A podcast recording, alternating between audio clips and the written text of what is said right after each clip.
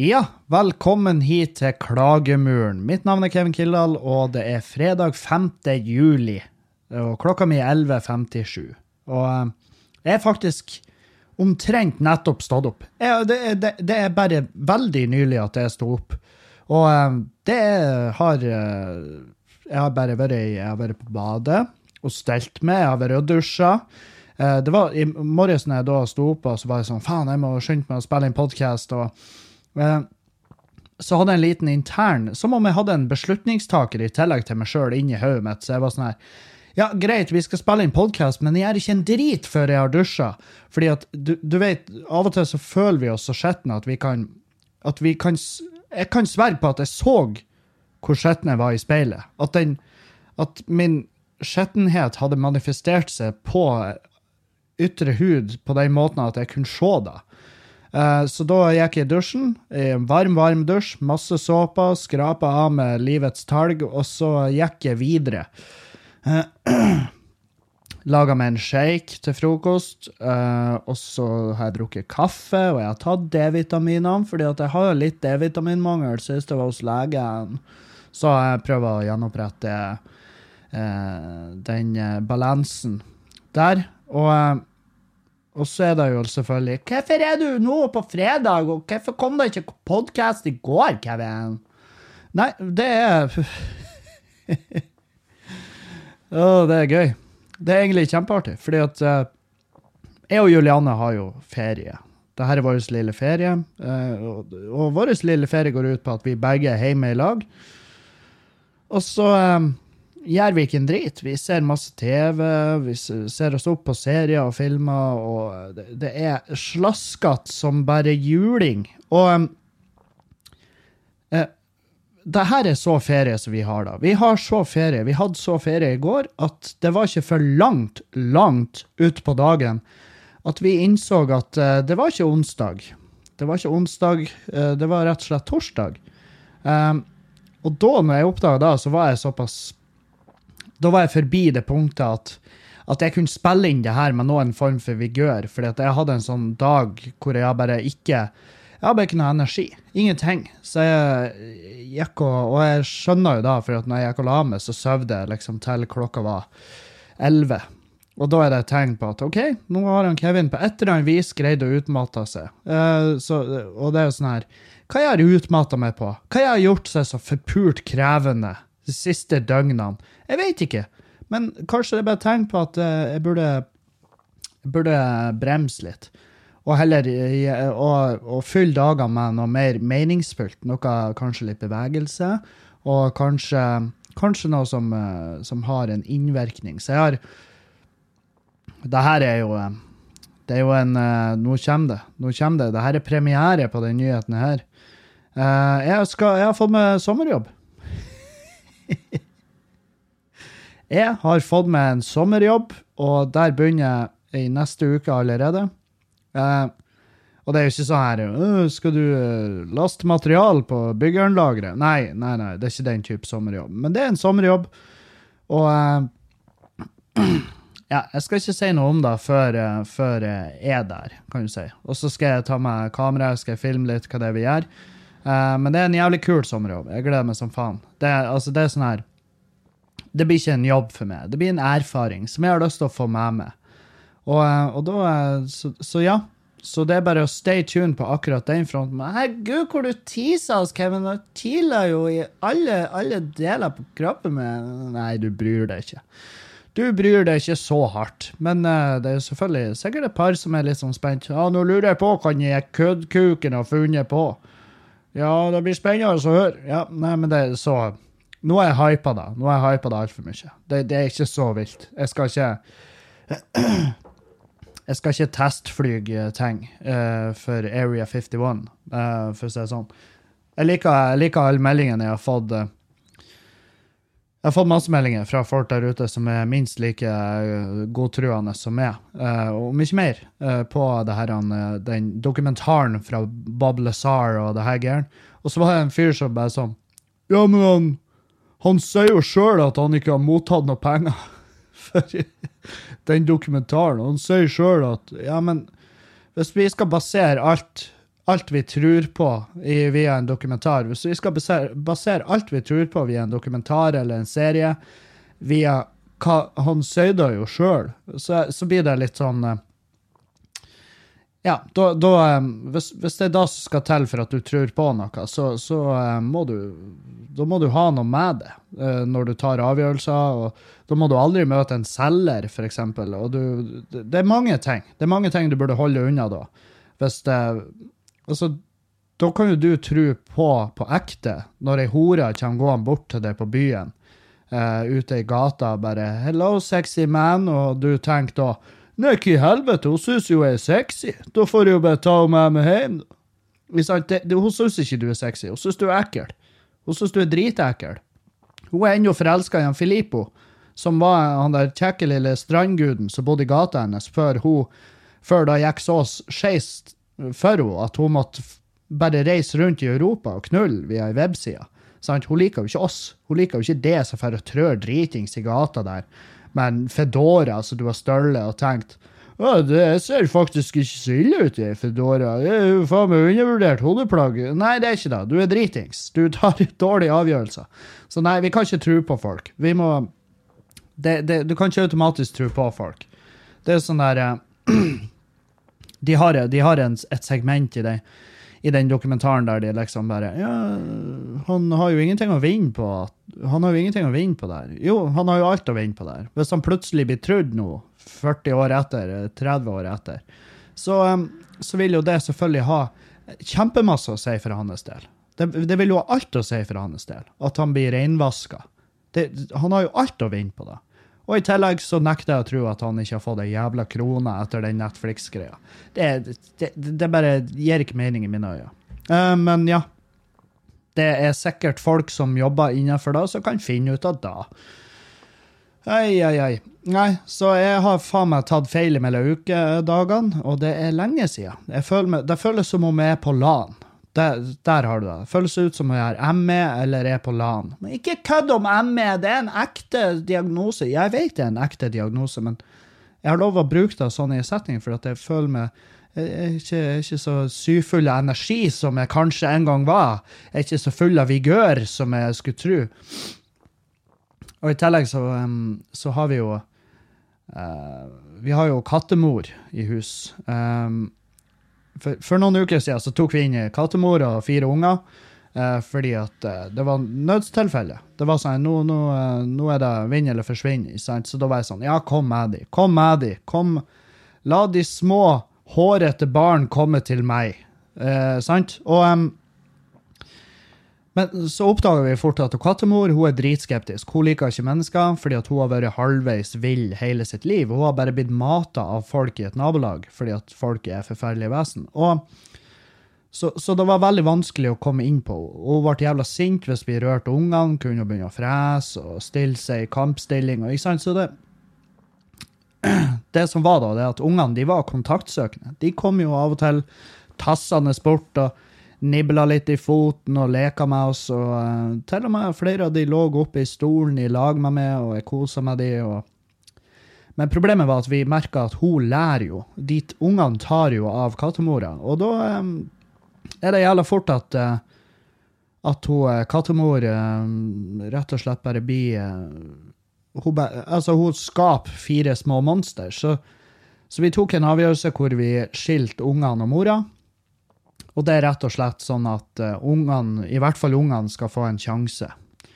Og så, bestemt, og så, bestemte vi oss for at vi kan jobbe med mora. Så lenge hun ikke har de ungene sprengende rundt her og, som gir henne bekymringer, så kan vi jobbe med mora. Og um, det går uh, Det har gått jævlig sakte, men vi hadde et gjennombrudd i forgårs, når vi fjerna føttene på uh, Vi fjerna føttene på stolen og puffen min. Sånn at nå har vi mong mongolsk stue Eh, nå er vi i mongolsk stuemodus igjen, hvor møblene er helt ned på gulvet. Og det er for at mora ikke skal gjemme seg under der. Så da må hun se oss. Og um, i starten så ble hun jo ganske febrilsk. Hun gikk hvileløst rundt. og men uh, nå så koser hun. Hun koser masse. Hun ser oss i øynene uten å frese. Um, så, så jeg, hun har to måneder igjen. De, bruker å gi dem sånn tre måneder. Uh, hvis vi ikke ser noe markant forbedring, så, det, så, så, blir de ikke noensinne like mennesker. Og da er det like greit å avlive dem, i stedet for at de skal gå rundt og være i konstant angst og døds, altså sånn dødsfrykt. Nei, så vi har henne inne, og problemet er jo at etter vi fjerner ungene, så har hun melkespreng, hun bråker som faen, hun går rundt og og, og Julianne sover jo med Hun sover med sånne ørepropper. Det gjør ikke jeg. Jeg får ikke til det. Hvis jeg sover med ørepropper, så blir jeg, da blir jeg alene inni mitt eget hode. Og dere som hører den setninga, da blir jeg alene inni mitt eget hode. Dere som hører den setninga og blir vettskremt, dere skjønner hva jeg mener. Jeg, vil ikke være der alene. Så derfor så sover jeg gjerne uh, uten ørepropper og gjerne med litt støy rundt meg. Sånn type Jeg kan lett ha vinduet åpent og ha uvær utfor eller trafikk. Uh, men det jeg ikke er så flink på, det er kattehyling. Um, så, så, hun har av og til på nettene Jeg tror hun våkna og har mareritt. Jeg vet da faen om det er noen Vietnam-flashbacks fra den tida hun var der. Hun jobba som infiltrør da, på den tida, og radiooperatør. Men uh, hun får av og til bare sånn tulltak hvor jeg hører den hylinga hennes oppe fra. Og da blir, da blir jeg sånn Så får jeg vondt i meg, så får jeg ikke sove. Så der har dere mitt liv. Nei. Men vi gir henne en sjanse. Vi håper at hun skal greie seg. Og foreløpig ser det kjempebra ut. For at når hun først begynner å kose, uh, så er hun en uh, Hun er faktisk ganske innpåslitende når hun begynner å kose. Så, um, og så vet jeg at hun har løpetid. Uh, eller, ja, løpetid. Det er da det heter hos, hos kattedamerne. det er ikke noe som heter løpetid hos kattemannfolk. De er klar for å knulle 24-7. Mens kvinnfolkene de har sine, sine, perioder. Og når de har perioder, så kan de også gå rundt og mase litt. Da kan de være litt masete, og du merker da med at du klør dem i nakken eller bakpå halen, og så bare skyter ræva til værs. Og så er de sånn der Ta med, for guds skyld, bare vær så en, en gang inn, bare. Det er den type stemning. Så, så det å kose med katta går fort over til å bli litt ekkelt. Så jeg har tatt meg sjøl i å oh, oh, nå er vi gått altfor langt med kosinga. Nå er det jeg koser, men hun koser seg ikke. Hun er bare Nå tiser jeg. Jeg plager katten. Så um, helvete. Nå ble det jo faen meg sju minutter med kattesnakk der. Men uh, sånn er det av og til, fordi at jeg er en catman. I'm the catman. Um, og uh, Nei, vi Hva annet? på Var det på mann... Nei, tirsdag. Tirsdag så uh, er med i en sånn fellessamtale på Snapchat med alle vennene til Julianne. Altså hele det, hele det vennegjenget. Og så alle jentene, og så hadde de lagt til kjærestene sine, som er jo med, og Rune og Nikolai og Mikael. og ikke sant? Det, det, det er battle-gjeng. Jeg har sikkert glemt noen nå, men ikke bli, ikke bli, ikke bli fornærma. Men i hvert fall så så er hun ene venninna til Julianne hun er gått på ferie. hun gikk på ferie på uh, tirsdagsmorgen eller noe sånt. Så hun hadde midt på dagen uh, lagt ut et bilde av at hun tok seg en sider. Og så kommenterte jeg bare Å, du har ferie, skal vi blekke ut i dag, da? Og, um, og som, en, som, en, som en skøy. Problemet var jo at Julianne og Karoline og Nikolai de tok det jo ikke som en skøy. Så plutselig så hadde jeg avtalt, uten at jeg visste det sjøl, så hadde jeg avtalt at vi skulle utover dit og drikke um, midt i uka. Og um, Så da måtte jeg bare ordne med, med en Masi rødvin, som er blanda med Pepsi Max Lime. Masi rødvin, Pepsi Max Lime. Ha det liggende i kjøleskapet en stund før du blander. Og så blander du, og så har du isbiter oppi, så har du en calimocho som han Tomax har lært meg. limen er bare, det er bare en liten sånn detalj som jeg sjøl har plassert der, fordi at jeg syns det er sweet som faen. Uh, men det er dritgodt. Jeg lover dere. Det høres helt forferdelig ut. Bare, du skal ikke blande rødvin med noe annet enn vannet fra avløpet ditt, eller, eller så kan du trø deg i nebbet på kjerringhelvete hvis hun bråker for mye. Det, det, det, men seriøst, prøv da. Hardt om hardt. Rødvin, Pepsi Max og isbiter. Hvis du, hvis, hvis du ikke har noen forhold til uh, karbohydrater og, og, er redd for de, så kan du bruke cola. Uh, du kan bruke hva faen du vil. Bare prøv det. Og så gir du meg tilbakemelding. Og, uh, men i hvert fall, vi var der, og det var en kjempekoselig kveld. og Dagen etter så Julianne hun plaga meg med munnsår. Hun har fått noe sånn sår i kjeften, som heter da munnsår. Og det er Nei, ikke herpes. Jeg er klar over det, fordi at de eh, sårene der, de er vel ofte Herpes det er jo mer i munnvikene, ikke det? Jeg har en kompis som, had, som var plaga med sånn utbrudd før. Fordi at Visste dere da at de fleste av oss har faktisk herpes? Det er bare veldig få av oss som får utbrudd. Jeg vet ikke om jeg har herpes. Jeg har ikke tatt testen. Jeg tror ikke jeg har det. Og eh, problemet med det er at jeg merker det på at, hun, eh, at, det er noe som plager henne. Men jeg merker ikke Jeg, jeg får liksom ikke noe Jeg er ennå der. Ennå hun fortalte meg i starten av forholdet at av og til så blir jeg bare litt mutt i humøret, og da hjelper det ikke at du maser hva som feiler. Og jeg er fortsatt ikke, ikke 100 utlært i hvordan man tolker uh, Juliane-dagen, uh, sant? Så jeg merker at hun er jeg merker at hun er mutt humør, og jeg tror det er min feil, og jeg tror jeg har gjort noe, jeg tror jeg har sagt noe dumt. Altså, jeg tror ikke jeg har gjort noe, for det ville jeg visst. da. Men eh, jeg har jo en fæl tendens til å av og til si noe dumt, sant? Um, og bare ikke tenke over hvordan det høres ut det jeg sier, og, eh, og så bare må jeg eh, høste fruktene av det i ettertid. Og jeg, jeg gikk jo rundt og var livredd for at jeg hadde gjort noe sånn.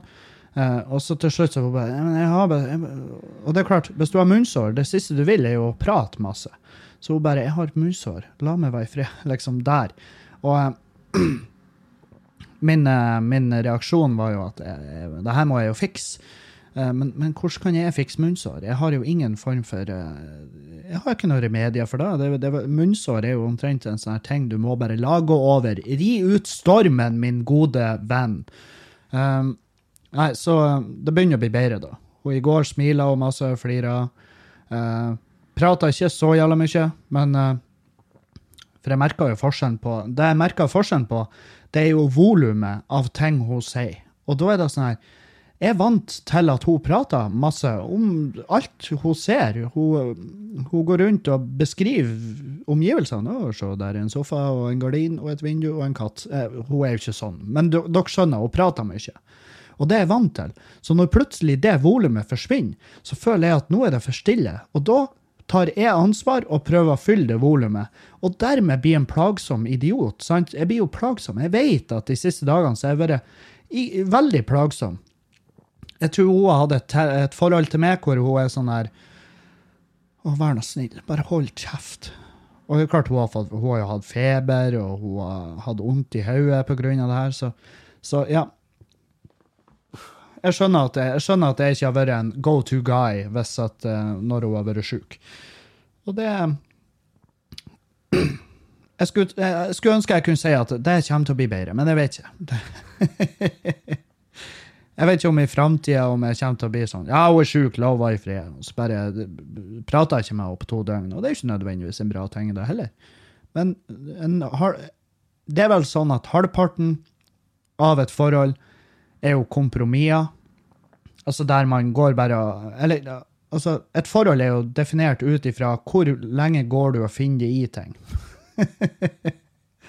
det, det, er litt der, da. I hvert fall for, hvert fall for hennes del, tipper jeg. Jeg lurer på hvor mange ting hun har bare funnet seg i. Dette er jo en, sånn, er jo en jævlig fin måte å så, å så angst i ditt eget forhold. Men jeg lurer på hvor mange av dere guttene der ute føler at hvis dere tenker dere skikkelig godt om, hvor mange ganger har dama deres funnet seg i ting? Bare bare, bare sagt til seg sjøl Bare drit i det. Det er ikke verdt det. Det er ikke verdt den tida den krangelen blir å ta. Tror hvor mange ganger de har gjort det. Jeg, og det er sånn og det er jo derfor jeg er så fornøyd med det her forholdet. Det er jo fordi at jeg har, jeg har foreløpig jeg, jeg tror det er, jævlig, det er jævlig få ganger. Det er ingen konkrete tilfeller jeg kan tenke meg til hvor, eh, hvor jeg har tenkt av meg og Julianne. Men jeg, vet- jeg vet, jeg vet hun har tenkt av meg med. Helvete. Det må være mange ganger. Men ja, ja. Nok om det. Nok om det. Jeg blir sikkert få en kommentar ifra henne. Det er faktisk ikke så mange ganger. Og så, blir hun å si det er jævlig mange ganger. Det er tolv ganger bare i dag. Det er én gang nå. Nå mens vi prater om det her. Så eh, hvem vet? Dere blir å få høre. Um, så har vi vært, vi har vært på kino. Ja, vi har vært på kino. Tar jo meg ut, vet du. Vi, vi måtte ut av huset. Um, så vi har vært på kino. Vi så Spiderman, Far From Home. Og um, jeg syns det var en uh, synes det var en grei, grei Marvel-film oppi alt. Um, han er jo veldig søt, han, uh, han spiller han, han nye Spiderman. Jeg syns han er søt. Han får en, han får en tommel opp ifra meg. Og, um, og uh, ja, nei, så det Jeg skal ikke spoile noe fra filmen. Jeg tenker jeg lar være å spoile filmen, for det er jo litt dumt gjort. Men det jeg ikke skal la være å spoile, det er jo at uh, de har jo På det her jævla kinosalen, så er det jo trailere til andre filmer før. Og um, og ehm, så var jeg så uheldig at jeg måtte eh, At jeg måtte uh, lide meg gjennom uh, en eh, trailer til den nye Fast and Furious-filmen. Uh, Hobbs og noe. Jeg, jeg vet faen. Jeg gidder ikke engang google tittelen. Fordi at det Fast and Furious-greiene, det er gått så fette langt.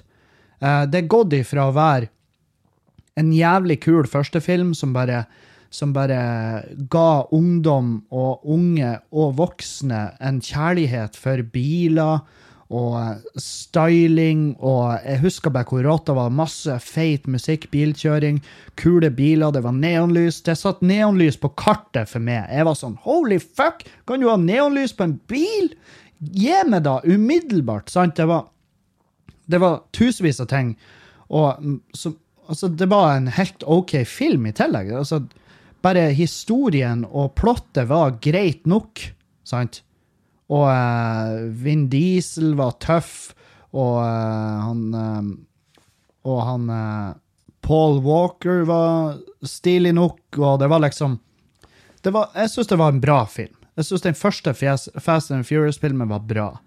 Og så kom det ei toa, og jeg var kjempeglad for at det kom ei toa. Jeg var sånn Yes, nå kan magien fortsette. Og så bare hadde det Og så, og så bare eskalerte det. Så har det eskalert ut av ville helvetes helvete.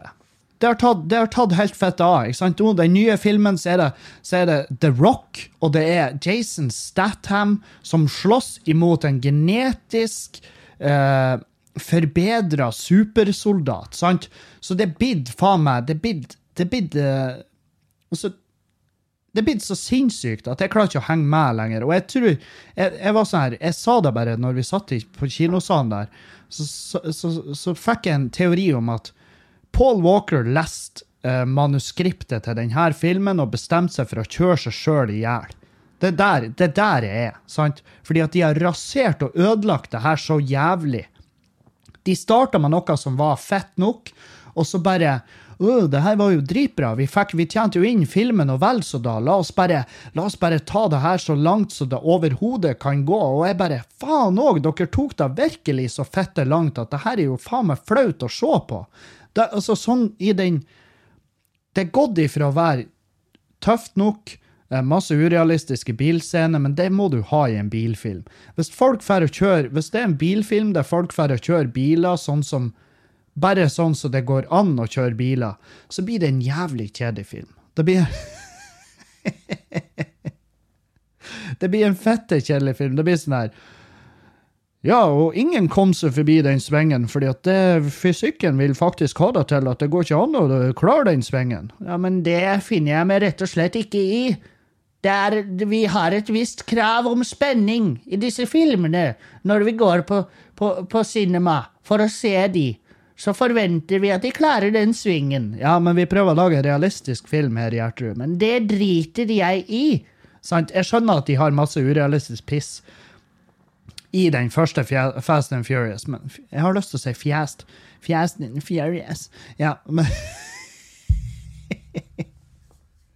Jævla idiot. Uh, men Ja, den første. Den traff meg. Og, jeg, og jeg, selvfølgelig, jeg har Jeg har um, jeg holder muligheten åpen for at jeg var jo ung. Jeg var jo veldig ung når den første kom, men da jeg vet er at hadde den første filmen vært en genetisk modifisert supersoldat uh, i den ene bilen der, så hadde jeg klikka. Jeg hadde vært sånn OK, det her er ikke for meg. Det hadde vært min umiddelbare tanke. Uh, tror jeg. Med mindre jeg hadde kjøpt det, at OK, da er det her en, det en franchise, en filmidé som skal være så useriøs og så jævla ute der at vi må bare finne oss i alt som skjer. Men nå i dag så er det Hva faen er det du gjør, Dwayne The Rock Johnson? Er du fett? Er du blakk?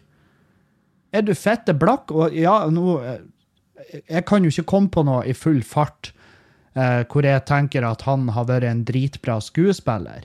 Uh, Jason Statham, han, jeg likte han i Jeg likte han i Crank, tror jeg hva han heter. Det, det syns jeg var en tøff film. men det er da jeg kommer på i full fart. Han hadde vel også den Transporter. Det er òg en bilfilm. den første der var vel ikke så dum, tror jeg. Um, men ja, i hvert fall, så, så Det er tatt så av. Og det er tatt så fett av. og jeg, Paul Walker ligger og spinner. Han ligger og snurrer som en jævla vaskemaskin. Han er på 1400 omdreininger i minuttet i grava si. På, på det dritten de har gjort med denne filmserien, som faen meg endte opp med å definere han som skuespiller. Eh, som er jo idiotisk, fordi at eh, han var en uh, mye bedre skuespiller enn det han gjorde i de filmene der. Han hadde jo den ene filmen, uh, 'Running Scared'. Running Scared. Den, uh, den syns jeg var tøff. Running Scared, se den. Og The Lazarus Project er òg høvelig grei. Men The Fast and Furious, det, det, det er synd at det er da han skal bli huska for. Det er sånn der Det er sånn her Ja, Da Vinci han tegna bruer og fettskitt uh, og mala nydelige bilder og hadde masse bra oppfinnelser, men da han blir huska for, er jo uh, hans uh, tolkning av Hallingdøl-dansen. Det, det, det, var hans Det er det han legger igjen til oss viderekommende. Og Nei, så se de andre filmene hans. Gi dem en sjanse. Into the Blue kan du hoppe over. Den ga meg faen meg ingenting. Og det er sånn her Fast and Furious er blitt liksom, det er filmverdenens pallemøbler. sant? Det er filmverdenens pallemøbler. Pallemøbler var dritstilig. Første gang jeg så det, så tenkte jeg helvete, det der må jeg faen meg ha. Men nå når jeg ser folk ha pallemøbler, så tenker jeg å, dere røyker rullings ut på platen deres og, og snakker om andre tider dere har røyka rullings på samme platen. Skjer ikke så jævla mye fett i det livet. Det, det, det er Nei, det er ikke verdt det. Fatt, hvorfor skal de ødelegge alt? Hvorfor må de melke denne kua til den ser ut som en gammel, sprukken ballong? Sant? Så det er bare skinnet som ligger igjen. Og, øh, sant? Det er det jeg føler at det blir å skje med den jævla filmserien her. Og det er sånn, Hvis de har genetisk modifiserte supersoldater i denne filmen, hva er det de har i neste? Bare oh, Fast and Furious versus Godzilla! Og, og 14 andre titanvesen som sprenger rundt og knuser verden. Det blir Og, og så drar Vin Diesel og The Rock og kjører tulling imellom alle de supervesenene med, med, med en V8-er, og, og så redder de verden fordi at de har en kabel på V8-eren. Så snurrer de rundt føttene på dyrene, så tryner de, og så blir de saksøkt, alle som har laga filmen, fordi at de kopierer uh, Star Wars. Sant? Nei, det er nok pallemøbler i filmverden. Nå er jeg fette lei. Jeg vil ha noe nytt. Og det er jo sånn her, det er jo problemet med å skrive filmer. For det er sånn her, ofte når jeg ser en film, så tenker jeg hvor i helvete kom dere på det her hen? Sant? Hva det er slags Hvordan var det manus Den manusprosessen? Det må jo ha vært en fette gæren dude eller kvinne, slapp av, som har sittet og skrevet det driten her. Noen må jo på et eller annet tidspunkt ha Altså, de har jo åpenbart ikke lufta ideene sine for noen rundt seg. For hvis de hadde en god venn, så ville jo den kompisen sagt Hei, fuck off. Ta, ta jobben din seriøst. Nå er jeg lei av at du lager ræl. Nå er jeg lei av at du produserer søppel. Rent jævla søppel. Vi er fitte lei. Så skjerpings. Ta jobben din seriøst. Og um, ikke lag pallemøbler. Lag rotting. Gode, gamle rottingmøbler. Vi vil ha det inn på agendaen igjen. Kanskje et bord med ei glassplate oppå, men så lenge det ikke er en europall under det bordet. Sant? Så um, Nei, jeg vil, ha, jeg vil, ha, gode, gamle filmer. Og jeg skjønner at det kommer til et punkt der at OK, det eneste vi kan gjøre nå, det er å finne på helt sinnssyke ting, fordi at uh, alt annet er tatt. Alt annet er brukt, og det er brukt opp for 1000 år siden. Ja, men faen. Så lag, lag noe som er brukt før, uh, men bare gjør din egen lille twist på det. Så lenge den twisten ikke er genetisk uh, modifiserte supersoldater.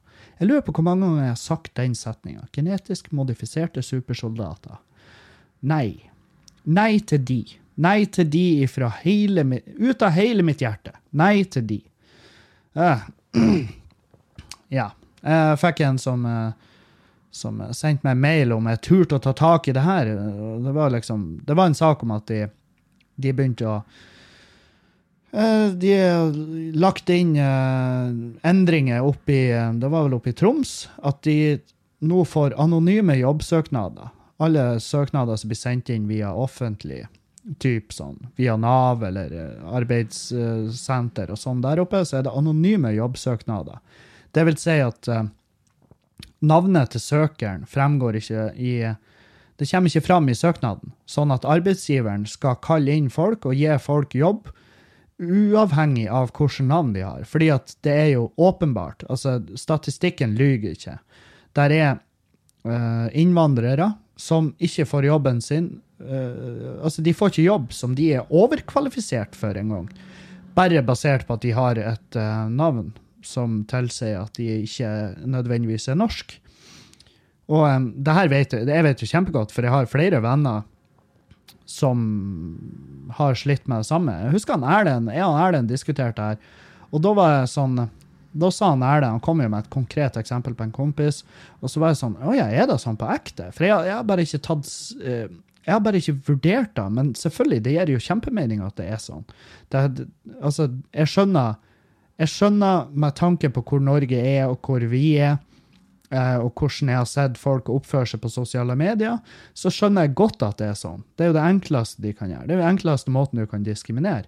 Um, så jeg ble ikke overraska over det eksisterte. Og etter jeg hørte det, så, så, um, så, spurte jeg et par venner av meg som, som har navn som åpenbart ikke er urnorske navn. Og de sa ja, det er helt sant. Og han ene som bodde i Trondheim når jeg bodde der, han har faen meg skifta navn. Og han fikk seg jobb umiddelbart. og da har han søkt på jobb i over fem år. Um, og da tenker jeg ja, da, jeg syns det er bare bra. Anonyme jobbsøknader, dritbra. Og det, det sto i artikkelen at det, det, er verre for dem å få jobb jo høyere utdanna de er. Uh, som er jævla synd, for det vil si at det er veldig mange uh, ressurser som går arbeidsledig der ute. Og nei, jeg sier ikke at de som ikke har utdanninga, er en ressurs. Jeg sier bare at det er uh, greit å holde de som er høyt utdanna, uh, i arbeid også. Sant? Fordi at de kan, uh, de kan gjerne fylle inn der vi mangler folk. Hører dere katta nå? Pus! Pus! Slapp av. Det går bra. OK? Jeg tror hun blir redd av oppvaskmaskinen, for den bråker litt.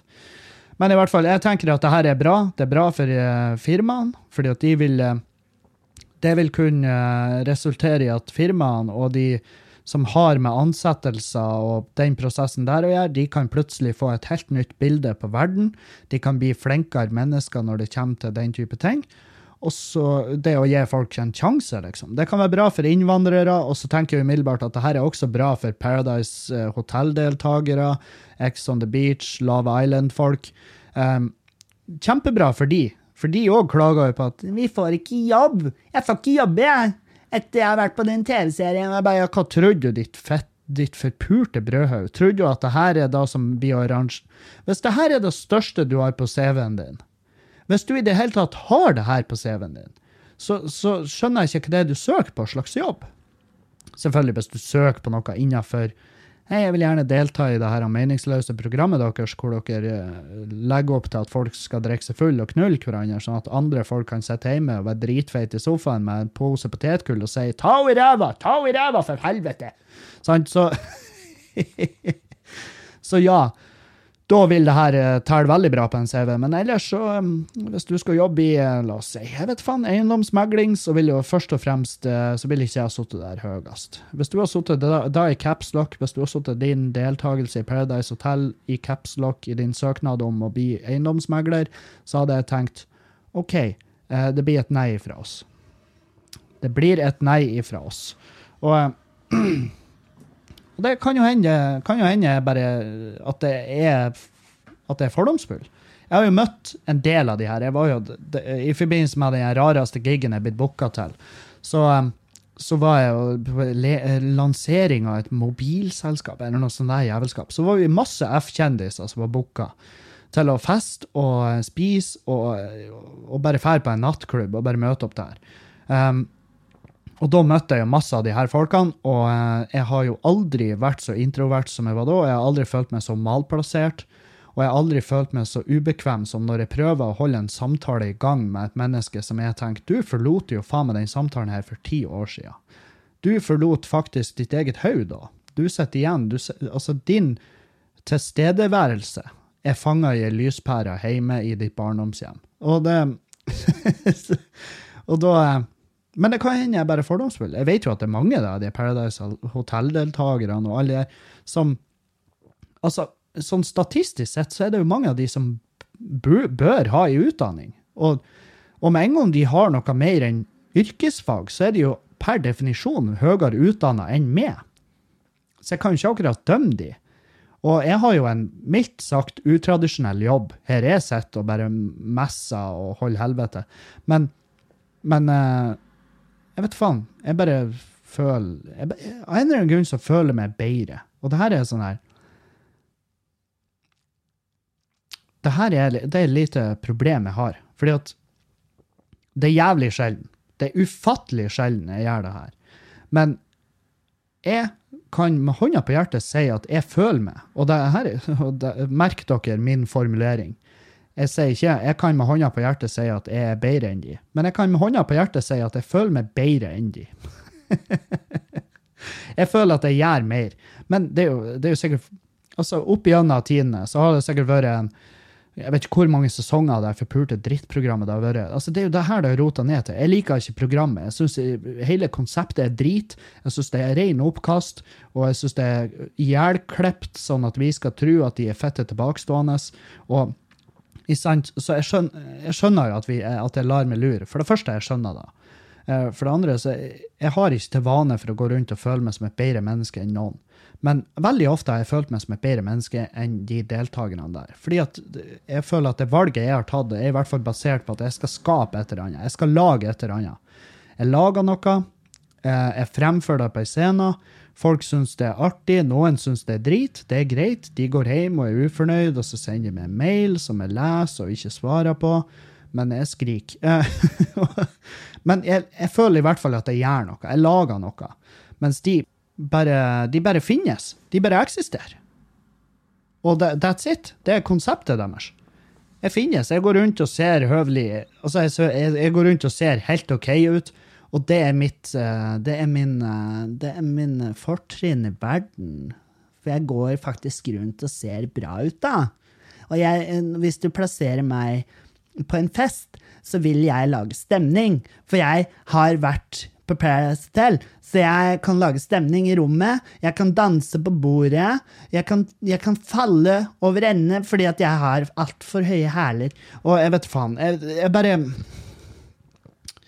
er det, ja, det er jo selvfølgelig er det feil. Jeg skal ikke gå rundt, det, det, det er drittsekker som går rundt med ei sånn mening at å, jeg er bedre enn de her. Men eh, helt, helt ærlig, det her er det ærligste øyeblikket jeg har hatt på lenge. Jeg føler, jeg føler veldig ofte jeg ser på de, og jeg tenker jeg er bedre enn det her mennesket. og eh, Nei, jeg vet faen hvorfor. Jeg vet ikke hvorfor. Fordi at de tok Fordi at de var sånn jeg, Jeg har ingen skam. Jeg, jeg har ikke noe å gjemme. eh, Så jeg tar gjerne en gratis ferie foran kamera. Og hva så med knuller? Det er sex, det er normalt ting. Det er noe vi mennesker gjør. Og ja, selvfølgelig spiller jeg skjettent. Det er en kynisk dritt, og det er alle. Alle mennesker som er ærlige med seg sjøl, er kynisk. Alt de gjør, er for å gagne seg sjøl. Så hva vet vel jeg? jeg, jeg da jeg vet, jeg at jeg ikke er et bedre menneske enn de. Flere av de jobber den dag i dag med å skape verdier. Sikkert flere av de som den dag i dag er gründere. Jeg vet ikke. Jeg følger ikke opp. Jeg følger ikke meg, og jeg følger ikke opp. Så det kan hende. Men eh, Så det, ble mer, det her ble mer en ripping av meg sjøl, ikke Paradise Hotel-deltakerne. Godt jobba. Fortsett med det dere gjør, hva nå enn i helvete dere gjør, så gjør det videre. Og jeg håper det ordner seg. Jeg håper det, det er bare sånn her jeg, jeg lurer på om det stammer fra når jeg gjorde en gig hvor de ikke hadde hengt opp plakater til showet mitt, og det kom sånne 40 stykk. Og eh, så visste jeg at uka etter så var det fette utsolgt, fordi at da hadde de tre Paradise Hotel-deltakere som bare skulle være i lokalet. Som bare skulle finnes. De skulle bare de skulle reise opp, de skulle få betalt, de skulle få gratis mat og drikke, bare for å ha puls. Og da blir det sånn Fuck de der jævlene der. Hva dere kan? Hva dere kan? Kan du sjonglere? Ikke da engang. Du kan ikke da en- Kan du et korttriks? Gi meg noe her! Men nei. Uh, faen, vi, vi har jo sett eh, Vi har jo sett mye på den her The Resident, som er en sånn typisk sånn legeserie. Sånn Chicago Hope og alle de andre legeseriene. Det er intriger, det er jævelskap, det er det er trist, det er tøysete diagnoser. Det, det, det, jeg vet at det her er ikke sånn det foregår på sykehus, men det var en ting de gjorde der som, som eh, ga meg en støkk. Eh, fordi at det er sånn du merker at de har Av og til så har de ting som bare eh, som bare gir Som er ifra virkeligheten. Altså ting som stemmer. Og det var sånn jeg merka For det var en pasient som var på tur å dø. Og og da var det noe med pustemønsteret til den eh, pasienten som jeg kjente igjen fra mamma, når hun var på tur å dø. Og så fikk jeg navn, da sa de navnet. Det, har, det pustemønsteret heter Chain Stokes. Cheney. Cheney Stokes. Eller, altså, og, og det er sånn pustemønster som du får når, når det begynner Når det nærmer seg. Og det var sånn her det, det, det var da de ga oss beskjed om at nå er det ikke lenge igjen. For da pusta hun bare som basically på rein på ren eh, sånn her, hva det heter, ren refleks. Og, og da når jeg så da på den serien, så var det som, jeg ble bare tatt rett tilbake. Jeg var sånn, å helvete. Så de har, det, det, er sånne, det er det artige med sånne serier, det er at jeg som ikke har noe peiling på, eh, på altså, medisin, medisin, eh, hele det faget, jeg har null peiling på det.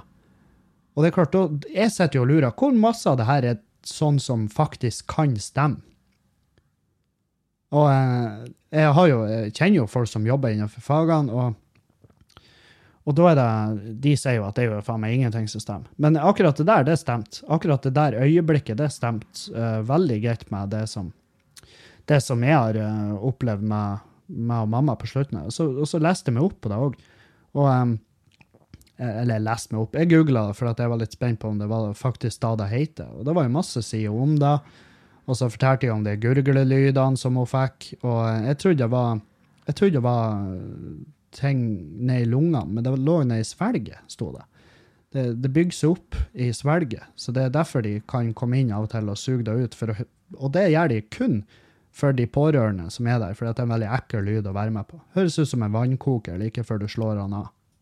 Så ja, vi har jo, vi har jo eh, faen meg Vi har konsumert hele den serien. Eh, tror vi ser siste to episodene i dag, som er kommet allerede, da. Men, men ja. Uh, artig med sånne Eller artig og artig. Rart at sånne små scener kan bare bringe det to-tre år tilbake i tid, liksom. Og bare bam! I det sekundet så bare Å, helvete! Ja, stemmer, da. Og um, hva det blir nå? Blir det to år? Er det så Er det så um, Det må det jo bli. Jo. 23. 23. juli 2017 da uh, gikk hun bort. Så det er ikke så lenge siden. Uh, men ja.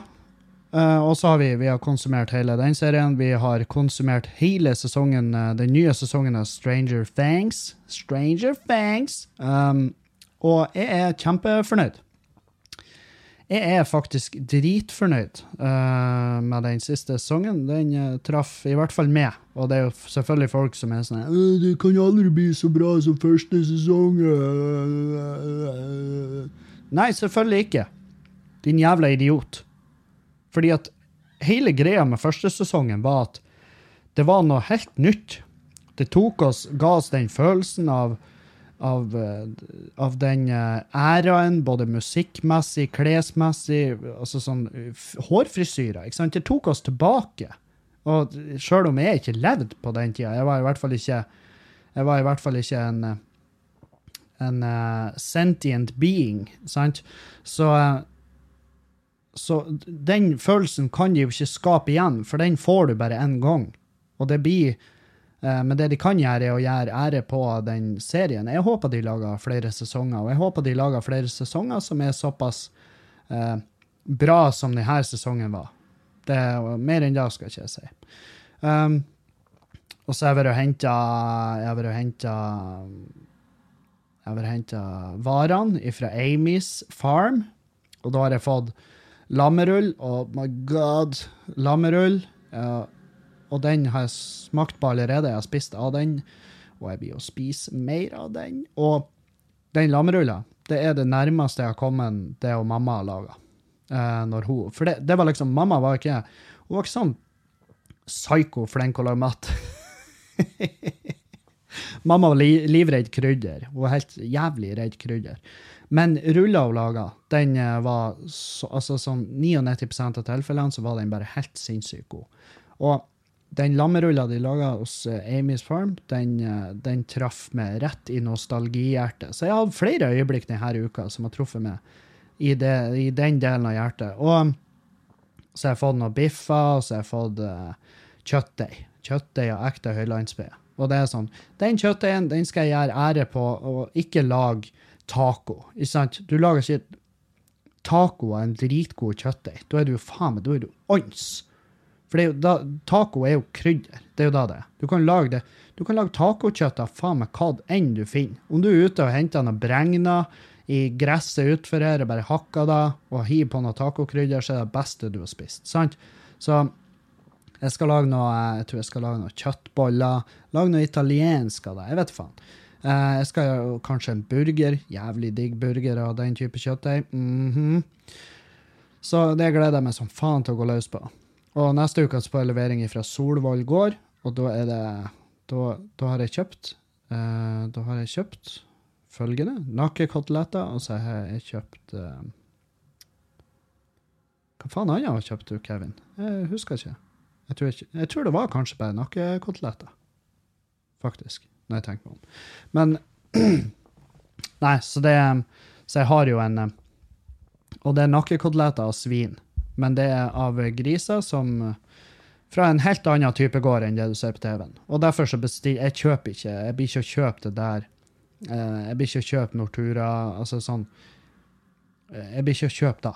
Jeg blir ikke å kjøpe da på butikken. Det billigste driten du finner. Sant? Det her er eh, Tipper det, det er jo hakket dyrere, eh, tipper jeg, men det er verdt det. Da, da kan jeg heller spise kjøtt eh, ikke så ofte, da kan jeg ha det i frysen, klar til å etes. Jeg blir å spise mindre kjøtt, og jeg blir å spise bedre kjøtt. Sant? Og da, det får være mitt tiltak. Uh, for at uh, For det er sånn her, hvis jeg nå slutter å kjøpe Det verste jeg, det jeg merker mest nå, det er skinke. Skinke har jeg kjøpt masse Det bruker jeg i ostesmørbrød, og jeg, els, jeg elsker skinke i både i, uh, i omeletter og jævelskap. Men og, og jeg brukte å kjøpe koteletter, jeg brukte å kjøpe indrefileter. Jeg kjøpte alt mulig rart. Billigst mulig på butikk. Og idet jeg slutta å kjøpe da, jeg tipper at ett år så spiser jeg eh, såpass mye av det, og i tillegg da ribba, så spiser jeg såpass mye at hvis jeg slutter å kjøpe det på butikken nå, så er det en, eh, det er en gris mindre. Og det er liksom I hvert fall. Og eh, det, det, er et sånn, det er jo et, ikke et sykt merkverdig eh, nedgang, men, det, men, da har i hvert fall jeg gjort mitt. Da har jeg gjort mitt. Da er det en eller annen gård en eller annen plass hvor jeg tipper de eh, Jeg håper det er en av de gårdene der de er slemme dyrene, som bare må bestille en mindre gris. Fordi at jeg gir faen. Så der, der ser man altså I det store bildet så har det minimal forskjell, men det, det, er i hvert fall mindre penger som går til, eh, går til da. Og så kan jeg heller handle direkte hos gårdene der, de, der jeg har vært og besøkt, og der jeg vet at de, at de har gladere dyr Det er jævlig artig når de filmer grisene, når de slipper de ut på et nytt jorde. Altså, det er sånn De sprenger, de sprenger og de hopper, og de har det så altså, de, de, de, har det så åpenbart fett. Så jeg skjønner nå skjønner, Etter å ha sett det der, så ser jeg liksom Jeg skjønner mer den koblinga mellom at, de er sånn Griser de er akkurat sånn som hunder. De er kontaktsøkende, de elsker folk eh, hvis de er vant til de. Og, um, og de har Altså, de logrer akkurat sånn som hunder det eneste grunnen er altså De pakker mer kjøtt, og derfor eter vi de. Og eh, de er hakket styggere enn hunder. Det er de jo. Eh, Sjøl om en babygris er jo søt som faen. Og jeg syns de store òg, de, de, hadde litt sjarm. Um, og så bråker de litt mer. Altså, de, de lydene deres er ikke like fe... Jeg tror ikke jeg kunne hatt en vaktegris. Men jeg vet faen hvor jeg skal med det her en gang. Men ja, jævlig artig å se hvordan de sprang rundt og hoppa der og eh, halen logra som faen. Og de sprenger så mye når de blir satt ut på et nytt eh, en ny jordflekk. Så sprenger de så mye at de blir, de blir støl. Så de blir liggende flere dager etterpå fordi at de er så.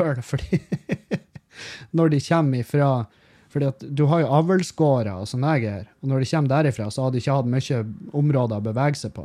Og når de da kommer til denne type gård og blir sluppet ut, så blir de jo helt i hundre. Så da sprenger de så, de så, mye at de blir støl. Og da blir de liggende etterpå med treningsverk og bare 'Å, dæven, jeg tok han litt for hardt ut'. Så det er en helt annen verden. Helt annen verden. Uh, ja, jeg skal prate om en ting som uh, ikke nødvendigvis er det letteste temaet. Det er kanskje et av de vanskeligere temaene jeg har sluppet meg sjøl ut på. Og eh, det er rett og slett en uh, greie som heter For barnas trygghet. Barnas trygghet er jo en, uh, en borgerverngruppe på Facebook som, uh, som planter folk i settinger der de Altså, det, det de har som, som, agenda, er jo å ta overgripere. Barneovergrep. få bekjempet da, med at de utgir seg for å være unge jenter eller gutter på nett, og så um, avtaler de møter med hvor uh, Og prater, prater lenge med, uh, med, overgripere, og avtaler møter med dem hvor de da filmer det møtet og liksom setter de opp mot veggen. Um, og greia med, I, Når du sier det sånn, så høres det ut som ja, det her trenger vi. Det trenger vi umiddelbart. Men eh, jeg har jo bekjente som jobber aktivt i eh, Landsforeninga mot seksuelle overgrep.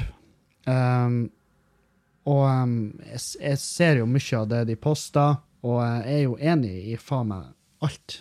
Fordi at Nå har ikke jeg opplevd noe særlig sånn krenkende når jeg var liten, men, men sånn i Norge i dag så er det 7,8% av gutter og 21,2% av jenter opplever et, seksuelt overgrep eller en krenkelse før de er fylt 18 år gammel. Og um, og eh, det arbeidet rundt det her, det er jo Problemet er jo at det er jo politiet sitt arbeid. Problemet er også at politiet har ikke ressursene til å følge opp og gjøre det arbeidet, sjøl om de har fått uh, Sjøl om de har gitt beskjed om det sjøl, og at de øvre makter har gitt beskjed om at det skal, det skal prioriteres, så har ikke det skjedd. Fordi at midlene er ikke der til å prioritere det like hardt. Eh, Barnas trygghet eh, er Mitt problem med det er at hvem som helst kan være med i det. Man vet hvem Man vet jo faktisk ikke eh, hvem flere av de som fordi at de, de, de popper jo opp i de aller fleste store byer. Og jeg tenker seg umiddelbart han, han fyren som uh, fronta deg veldig hardt her i Bodø, det er ikke en fyr jeg stoler på. Jeg tror ikke han, jeg tror ikke han nødvendigvis har, har, har anlegg for å, for å forgripe seg på barn. Det er ikke det jeg sier. Jeg bare sier at han har en historie med å ikke ha så rene ark eh, når han jobba med frivillige ting tidligere, hvor vi ikke vet, altså folk vet ikke hvor det er blitt av pengene som er blitt donert til da. Du har det, det aspektet. Du har det aspektet med at de at de eh, filmer eh, konfrontasjonene med de her overgriperne. De legger de gjerne ut på Facebook, som genererer jo enorme klikk, og folk eh, drar Folk drar ekstrem nytelse av de her konfrontasjonene, noe jeg til en viss grad kan forstå. Problemet er at de ikke ivaretar det, det er, det er personvernet til de pårørende. Fordi at en overgriper er det, det er det som er problemet. Vi vet ikke hvem det er. Det kan jo være hvem som helst rundt oss. Og de personene som uh, gjør de her tingene, har ofte pårørende. De har, de har, ofte familie, de har ofte barn, de har foreldre. Det er folk rundt de som, uh, som også må høste av, uh, av, det, av det helvete de har sådd. Sant? Uh, i, i, Finnmark så var det en som ble lagt ut med og, de, og det var vel veldig tidlig. De hadde engang de hadde vel ikke engang uh, sensurert han. Jeg vet ikke om det var Barnas trygghet, men det var en samme type sak. Uh, hvor de hadde da lokka en fyr ut, og um, da la de det ut. Og familien opplevde hærverk på huset. Familien opplevde trakassering, telefoner. skjønner dere hvor jeg vil med det her? Uh, fordi at jeg er veldig imot sånne her borgerverngreier, men problemet ligger jo problemet ligger i så jævla mange groper. Uh, hun, hva heter hun? Hun heter for um, nestlederen i Landsforeninga mot seksuelle overgrep, Sissel Fjelltun. Hun uh, er psykolog og er da nestleder i denne foreninga, og hun har skrevet en jævlig bra greie på VG, nei, Dagbladet så bare søk eh, 'Barnas utrygghet'. Uh, les den saken. Jeg skal bare quote henne. Uh, på en, akkurat den greia her, hvor det står Tor Mikkel Wara gir uttrykk for skepsis til at private aktører skal gjøre politioppgaver. Det er prisverdig, og det vil vi takke ham for. Samtidig har forrige justisminister fra samme parti omtalt overgripere som monstre, og da Listhaug møtte kritikk, beskyldte hun motstanderne for å ville beskytte overgripere, en retorikk som går rett, rett hjem hos denne borgerverngruppen og deres følgere. En retorikk som er ødeleggende for det arbeidet som behøves der ute. For overgripere, overgripere ser ikke ut som monstre, men som helt vanlige mennesker, og de finnes overalt. Eh, og når Landsforeninga mot seksuelle overgrep sjøl, altså de eh, sjøl går ut og sier at de støtter ikke det arbeidet denne gruppa gjør. De støtter, de støtter den saken de jobber for, men de støtter ikke måten de gjør det arbeidet. Og der, det er der jeg òg er. Så jeg er sånn her når jeg ser folk poste sånn her, å, bidra med penger til uh, å få Barnas Trygghet til Bodø, så tenker jeg nei.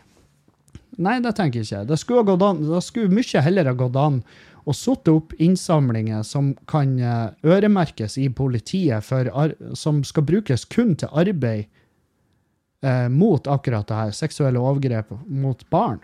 Barn og unge. Sant?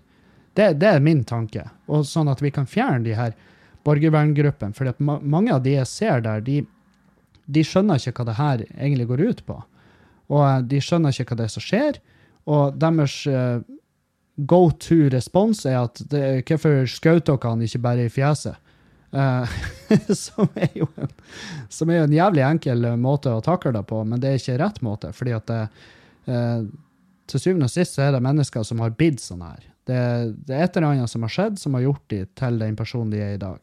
Eh, veldig få de tror er rota rett ned i ren jævla ondskap. Sant? Det er jo som, for jeg har lest mye om det. Jeg har lest mye når Tjomli, Gunnar Tjomli har skrevet en masse nyanserte saker som er veldig sånn her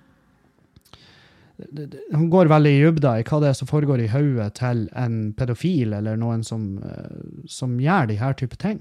Og det er jo eh, Mange av de eh, har ikke det her som et grunnleggende valg. De har det som en greie som Altså, det er en ah, Hvordan faen kan jeg si det her uten å bli skutt i mellom øynene sjøl? Det er en trang de har som de ikke kan styre sjøl. Sant? Og, um, og uh, der ligger ute forskning på det, at det er uh, så og så mange pedofile eh, som finnes iblant oss, som går rundt i gata, som kjenner på de følelsene, men ikke gjør noe med det sjøl. De gjør ikke noe, de vet at det er feil, og det er jo det som er problemet, det er at de har en, de har en Hva det var Og det her er en Jeg skal prøve å finne hvilken artikkel det her er, så skal jeg linke til den. Men der sto det at eh, det er ei legning, sant? Det er ei legning, men det er verdens verste legning, fordi at den forutsetter at det er et offer for at de kan, ut, altså at de kan utøve sin egen legning. Som da, som da, kan diskuteres i alle himmelretninger. Hvor feil er det, eller hvor rett er det at det ikke er lov? Uh, og uh, han Dag Sørås prata om det i showet sitt, om det her med sexdukker som ligner på barn. Hvorfor skal det være lov, og hvorfor skal det ikke være lov? Uh, argumentasjonen for og imot er jo at imot at det skal være lov, er jo at det, det, de kan bruke det her som en øve en øving til de skal ut og gjøre the real deal og forgripe seg på et ekte barn. Og så er det jo imot at det, det er flere som bare avfeier det. Flere fagfolk innenfor psykologi og sånn som avfeier at det her det, det, er ikke sånn det er. Du, fått, du, får jo kjøpt oppblåsbare sauer, og jeg tror ikke det er mange som har pult en oppblåsbar sau. Og eh, jeg husker jeg gjorde det da jeg var sånn 14 år gammel. jeg fikk i sånn tøysete bursdagsgave av en kompis. Og jeg var sånn her, På et eller annet tidspunkt på den tida så stakk jeg, jeg stakk jo kuken inn hvor enn det var skygge i heimet mitt. Det var en madrass som fikk kjørt seg, og den oppblåsbare sauen, jeg stakk kuken inn i den, og jeg var sånn her, ja, det funka helt greit. Og så måtte jeg jo hive den, for det var jo ingen måte å rengjøre den på forsvarlig vis. Uh, men jeg, såpass smart var jeg. Men, uh, men det, det, var jo ikke en øvelse til at jeg skulle ta med jobb som avløser på en bondegård. Det var jo bare noe jeg gjorde. Sant? Og um, faen, det sporer av som faen. Sporer av som bare juling, hele greia her. Men i hvert fall um, Det jeg vil ha da fram, det er at uh, vi må tenke over hva det er vi gjør, og jeg håper at barnas trygghet kan kan jobbe kan jobbe på en mer altså som tar, en måte som tar i vare rettssikkerheten. Og misforstå meg rett, for jeg vet det er mange som sitter og hører på noe som har lyst til å misforstå meg, men eh, mine tanker går ut til eh, går ut til de pårørende av overgriperen, for de finnes i aller høyeste grad. Jeg kjenner flere som har eh, Jeg kjenner venninner og kompiser med som, som, har funnet ut i ettertid at eh, deres eh, enten onkel eller forelder er en overgriper. Og de blir plaga av da Altså, de blir plaga av folk rundt dem fordi at noen i deres slekt er en overgriper. Og de visste det ikke sjøl. Sant? Og, og, det er fordi at det her er gått ut på folkemunne, det er gått ut eh, gjerne på Facebook. Og da tenker jeg at det blir feil måte å angripe det på. For da, da, da, det du gjør, det at du bare øker antallet offer. Du øker et antall offer, og da blir det helt feil måte å ta det på. Helt feil måte. Det, det verste av alt, jeg så det var, det var, en video av en sånn her fyr uh, i Bodø som ble tatt. Og um, når den ble lagt ut, så tok det to minutter, så fikk jeg melding om at det der er en fyr vi kjenner. Og um, folk hadde kjent han igjen på stemmen. Og, um, og bare sjekka opp. Ja, det stemmer, han var i Bodø da. Og det var en fyr ifra en fyr fra nabobygda mi. og sånn Min umiddelbare tanke var ja, bra han var tatt. Bra han var tatt. Og han har vel eh, sittet i fengsel for det òg, for de, de, det er jo derfor de filmer da. Problemet er at de legger det ut på nett. Eh, hvis de kunne ha levert det til politiet og gjort det den veien, i stedet for å legge det ut på nett, så det kan generere klikk, og da gjør at OK, nå skal vi følge opp de som bor i huset, de som er naboen, de som er en kompis av han fyren. Um, ikke sant? Det, det, det er i hvert fall min mening. Til, Poenget mitt er at jeg blir ikke donere penger til det. Og i tillegg han fyren som uh, har lyst til å være ansvarlig for barnas trygghet i Bodø, er en jævla nisse.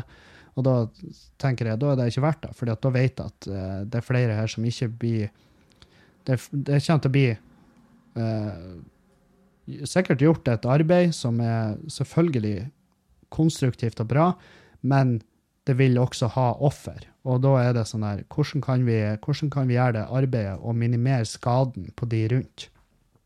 Tenker jeg. Det tenker jeg.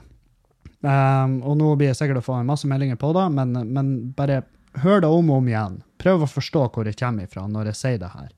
Jeg, sier, jeg driver ikke på å forsvare overgripere. Jeg forsvarer ikke eh, overgrep. Selvfølgelig er jeg ikke det. Jeg er jo ikke fette idiot. Jeg er jo ikke dum. Og jeg er jo ikke, jeg er jo ikke det, det, her er ikke et øyeblikk hvor jeg har funnet ut at jeg sjøl er gæren. sant? Og jeg hadde ikke kommet til å delta med dere. Jeg har ikke kommet til å delt det her lydklippet ut på nett. Hvis det er faktisk støtta overgripere. Det jeg ikke støtter, er eh, borgerverngrupper som tar eh, Som overskrider det som er deres ansvar. eller det, altså De har jo egentlig ikke noe ansvar, det er jo ansvar de tar sjøl. Det er jo hele konseptet med borgervern. De tar ansvar når de føler at politiet ikke leverer. Og de har helt rett, politiet leverer ikke. Men det er fordi at de ikke kan, de har ikke ressursene til det. Og da er det sånn Ja, hvis de kunne bare ha gitt faen i å ha fartskontroller bort på den streka der det ikke bor mennesker engang, så, så de sikkert kunnet jobbe hardere med Ja, det kunne de, men de, de har Jeg vet da faen hvordan det fungerer, men jeg tipper de har en kvote av noe slag. At du skal så og så mange timer der, så og så mange timer der. Og uh, Nei, det er da jeg etterlyser. Jeg etterlyser en uh, Jeg etterlyser en ordning der der det har gått an å sette opp eh, Det er sikkert noen som hører på podkasten nå, som vet om det går an. Går det an å sette opp en innsamling som blir øremerka til eh, bekjemping innad politiet? At de skal jobbe med å bekjempe seksuelle overgrep mot barn, og kunne ta tak i de anmeldelsene fortere, og jobbe med det i stedet for at man skal bidra med penger til ei borgerverngruppe som reiser rundt og filmer overgrep, overgripere og legger det ut på Facebook. Det er, det, det er min tanke på det. Uh, så ja, gjerne følg med opp på det. Uh, det er sikkert noen som blir å si meg melding nå og sier at ja, de slutter å legge ut videoer på Facebook. Ja, kjempebra. Da håper jeg de fortsetter sånn. At de fortsetter å gjøre seg sjøl bedre, sånn at de ikke kan tas, og at de ikke ødelegger Eh, rettssikkerheten. For det kan faktisk ende med at folk får en mildere straff for det de har gjort. Det er min tanke. Uff, helvete hva jeg svetter. Det er faen for et minefelt du har sykla gjennom på en enhjulssykkel nå, Kevin. Håper noen Det her det, det er sånn typisk ting som kan klippes ut og tas ut av kontekst, og så er alt over. Men da har jeg i hvert fall den podkasten her og vise det, så kan de bare ja, ta det for det det er. Um, jeg blir å legge ut den artikkelen òg. Uh, den ligger i notatene til uh, denne episoden, så du kan se der. Um, jeg, skal, jeg, håper en, jeg, håper den artikkelen har en, har en uh, behagelig link. Skal vi se Ja, det har den for så vidt. Uh, ja, så helt grei. Dere, det, hvis du har lyst til å lese den, så blir du å komme deg inn på den saken. Men det er bare å gå på Dagbladet og søke 'barnas utrygghet'. Så tenker jeg at uh, da kommer den nok opp. Jeg skal teste nå live. Uh, du, du, du. Helvete. Det er jo faktisk Det er jo faktisk ikke så enkelt. Nei, men da legger jeg ut linken og så får dere følge opp og lese, og jeg anbefaler alle å lese den. Hvis du, I hvert fall hvis du følte en umiddelbar uenighet med det jeg har sagt her, så kan du lese den, og så, og så ha i tankene at det her er fra de folkene som jobber i Landsforeninga mot seksuelle overgrep. Altså deres jævla jobb, og det gruppa er oppretta for, er akkurat å, å, jobbe opp mot folk og, eh, til, og skape tilbud og, og um, liksom sette lys på de tingene som foregår der ute. Så hvis noen vet noe om det her, så er det faen meg de. Og jeg har en massiv respekt for det arbeidet de gjør. Så hvis jeg skulle donert penger til noe, så har jeg heller donert til de enn jeg har donert til barnas trygghet. Så Der! Da er vi ferdige. Um, vi har et par spørsmål. Um, Hei, Kevin. Du nevnte at far din har fått en ny kjæreste etter mor di døde. Hvordan har du takla det? Jeg takla det dritdårlig da pappa møtte sin nye kjæreste. OK. Um, uh, han, du har ikke skrevet noe mer. Jeg vet ikke om du er han eller hun engang. Men uh, du har ikke skrevet noe mer ennå. Uh, du har ikke skrevet noen grunn til det. Men jeg kan tenke meg til hva det er som plager det. I hvert fall hvis det er den uh, Når han pappa møtte uh, nykjæresten, så var jeg Min umiddelbare reaksjon var at det her er dritbra. Fantastisk.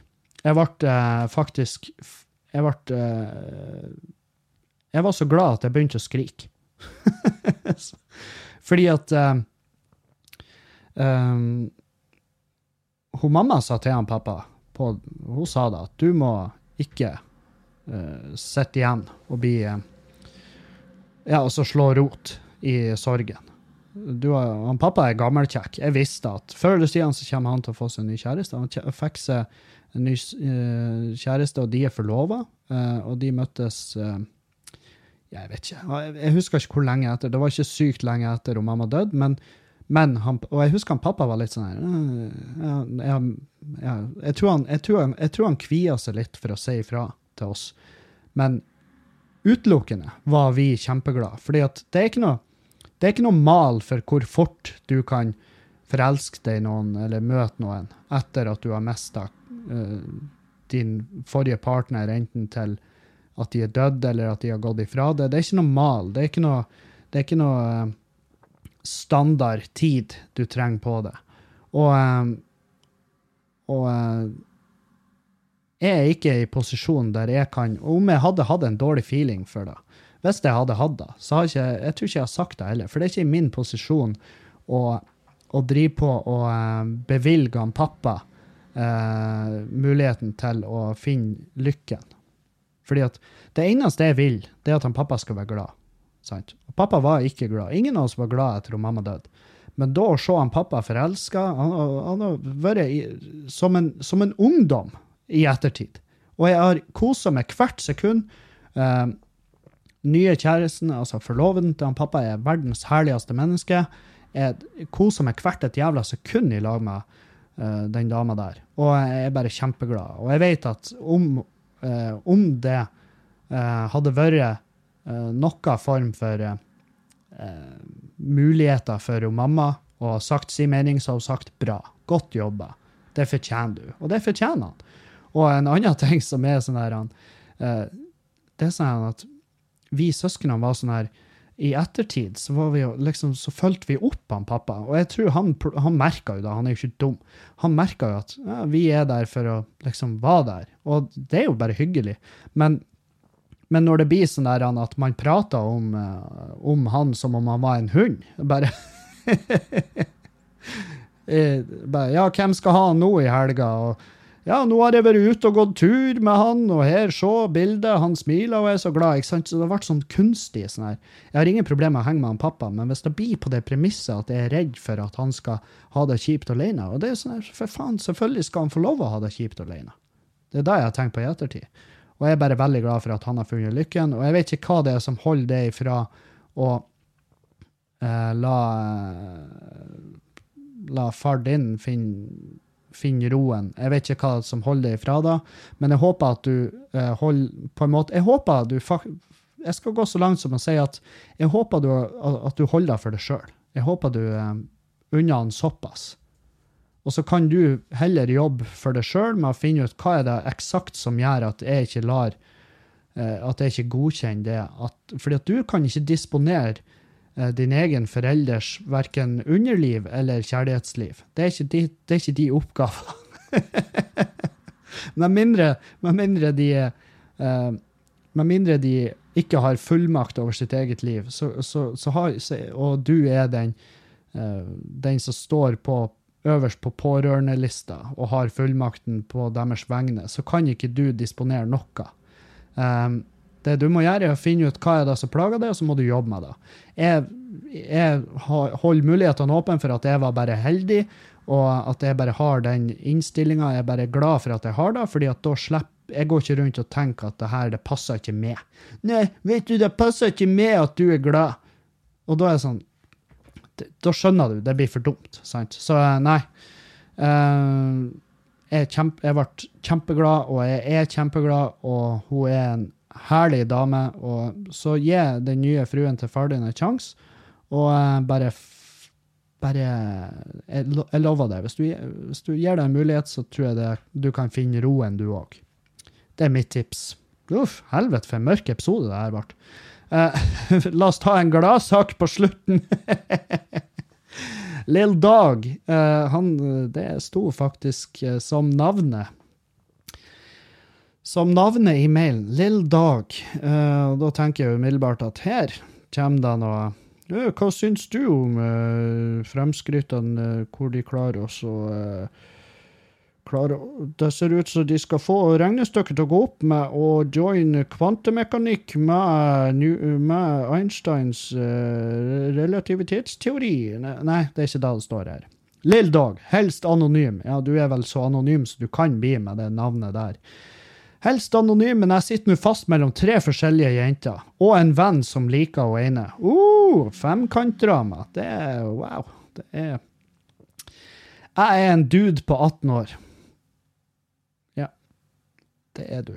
Uh, hun, hun, første jeg har snakka med lenge, hun gikk i klassen under meg, og vi har hatt det. Og så er det punktum. Vi har hatt det. Dere har hatt dere. Har dere hatt sex, liksom? Hun liker meg jævlig mye, men jeg vet ikke om jeg ønsker å gå for henne. OK. Hun ene er jævlig kåt på meg og er fette fin og har samme interesser og en fantastisk person OK, nå skal jeg legge om dialekter, for det, det er sånn her jeg ser for meg at han her fyren prater. Hei, det er lille Dag her, helst anonym, men jeg sitter fast mellom tre forskjellige jenter. Og en venn av meg liker hun ene. Jeg er en dude på 18 år. hun første jeg prata med lenge, snakka med lenge, og gikk i klassen under meg, vi har hatt oss. Hun liker meg jævlig mye, men jeg vet ikke om jeg ønsker å gå for henne. Hun ene er jævlig kåt på meg, hun er fette fin og som interesse, bare fantastisk person, men vi har ikke mye til møttes så altfor mye da. Hun syns det er artig og liker bare å være i lag med meg, og hun har den kroppen. Men den ene vennen min sier at hvis jeg går for henne, så blir han å drepe meg og drepe seg sjøl etterpå. Men hun liker meg mer enn han, og, jeg, snakker mer med meg enn med han. Sånn dude, what the fuck skal jeg gjøre? Uh, Vel, lill dog. Uh, her er mine tips til det og det du går gjennom der. Uh, kutt løs hun første. Hun første har jeg snakka med lenge og gikk i klassen under meg, og vi hadde oss. Hun liker meg jævlig mye, men vet ikke om jeg ønsker å gå for henne. Nei, hvis du ikke ønsker å gå for henne, kutt henne løs. Slipp henne løs, hun fortjener bedre. Hun fortjener mye bedre. Hun midterste hun ene er jævlig kåt på meg og er fette fin og har samme interesse, er en fantastisk person, men vi har ikke møttes så altfor mye da. OK, møt henne mer. Heng med henne, for det er mindre drama, og du blir ikke irriterende kompisen din. Og hun siste, du prater om hun også som at hun har bare den kroppen. Så da er det sånn her, kutt hun òg løs. Ta henne midterste, møt henne mer, heng med henne, bli lag med henne. Så slipper du drama med kompisen din, og så slipper du å være i lag med Bertha som du bare liker fordi at hun har fette fin kropp. Uh, du trenger mer enn en fette, fin kropp for å holde deg sjøl uh, eh, opptatt og interessert. Uh, så, så, ja. det er mitt tips. Gå for hun midterste, fordi at du har i hvert fall nevnt et eller annet med henne som, som går forbi utseendet. Og det, til syvende og sist er det da du trenger. Eller hvis du ikke liker en person som altså, Hvis du ikke liker en person med den personligheten de har, så blir aldri det å funke. Det blir aldri å funke. Fordi at da er det sånn hver gang den personen åpner munnen, så har du lyst til å slå hodet ditt i en murvegg. Og noe sier meg at kanskje de har det på samme måte med det. Så du kan Så jeg ville undersøkt om de faktisk liker det. Hun er jævlig kåt på det, skriver du, men uh, liker hun det?